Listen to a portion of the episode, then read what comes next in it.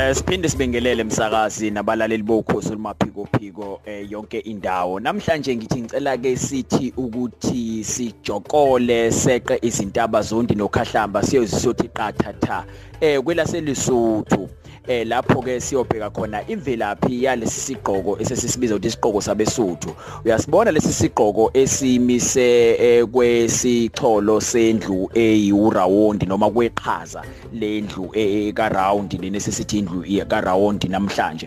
Eh lesi sigqoko ke ngendlela abasibiza ngayo abanikazi baso bathi umodiyanyewe eh abanye bathi futhi umokorotlo eh lesi sigqoko ke sakhiwe eh safuza intaba. Eh iqilwane elapha ya kwelabesuthu lentaba iqilwane ime yaba umbhoshongwana yaphuma nje yathi bhoshongo eh bese kuthi lentaba inomlando wokuthi ngesikhathi inamatshe amaningi ngesikhathi sezimpi ezayibhekene nenkosi umshweshwe wabesuthu. Kulapho umshweshwe ayikade eqoqa khona amatshe agibele khona kulentaba namabutho akhe awaqede aziqede izitha zakhe ezigingqela nje ngamatshe abesuthu. Ingakho kade besigqoka lesi sigqoko. Eh lesi sigqoko ke sabesuthu sesisichaza masithi isigqoko sabesuthu. Umdiyanyewe lona eh kuvela ukuthi eh ubukade ugqokwa amadoda kuphela bekuwamanjeza kuphela phambilini. Kodwa ke manje nabesifazane sebeyawugqoka umdiyanyewe uma behloba. Eh bese kuvela ukuthi lentaba le esikhuluma ngayo sithi iqilwane iseduzane kwethaba bosihu. Ithaba bosihu yona iqanjwe ngokuthi kuthiwe intaba busuku uthaba umele untaba ebese ubusiho uchaza ubusuku. Kuthiwa lentaba yenza izimanga.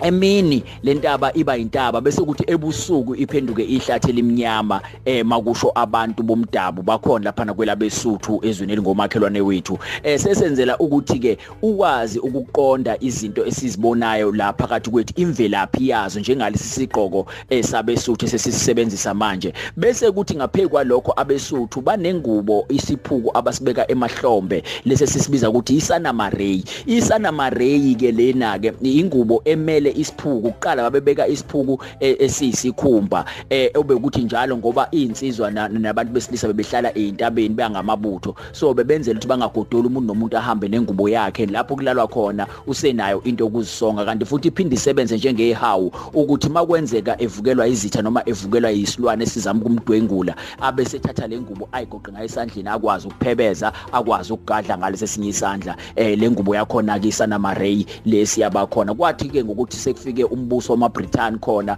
usuzoba colonizer wase ufika wapha inkosi eyayibusa ngaleso sikhathi lengubo isana marey then ke base beyithatha lapho ke yazobambela lesi siphuku isana marey kade behlale eh, besifaka uma bephuma abantu besilisa eh lengubo evamise uba nezithombe zombila ingubo yabesuthu. Sitha sibe lapho ke imvelaphi okwanamhlanje elami igama ngingumzukulwane kamvula usithembiso wakashangasi kagwejebovu njengentelwane eh sithi ke asiphinde sihlangane khona la ohlelweni imvelaphi nangokuzayo. Sanibona